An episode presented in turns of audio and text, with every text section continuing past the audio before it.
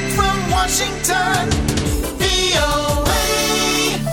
Apa kabar? Kembali bersama Dania Iman dari VOA di Washington DC. Apa kabar aktris Kate Beckinsale? Beberapa waktu lalu Kate Beckinsale sempat membuat heran para fans karena di sebuah acara red carpet atau karpet merah, Kate Beckinsale sempat bertemu dengan mantan pacarnya yaitu aktor sekaligus sutradara Michael Sheen. Mereka berpacaran sekitar 8 tahun dan memiliki satu anak. Di acara tersebut Kate terlihat masih tetap akrab dengan Michael, bahkan pacar Michael yaitu komedian Sarah Silverman.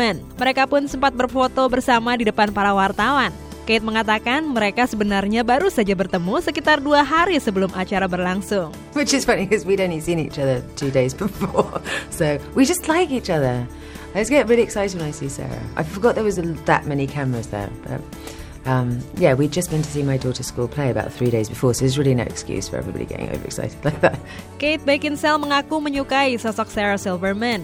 Hubungannya dengan Michael pun sangat baik. Dia sempat kaget ketika pertemuannya dengan Michael dan Sarah menjadi berita di media. It's funny to me that it's headlines because Michael and I have obviously not been together for a very long time, and we've got, you know, probably what, si- 16 years or 15 years or something like that.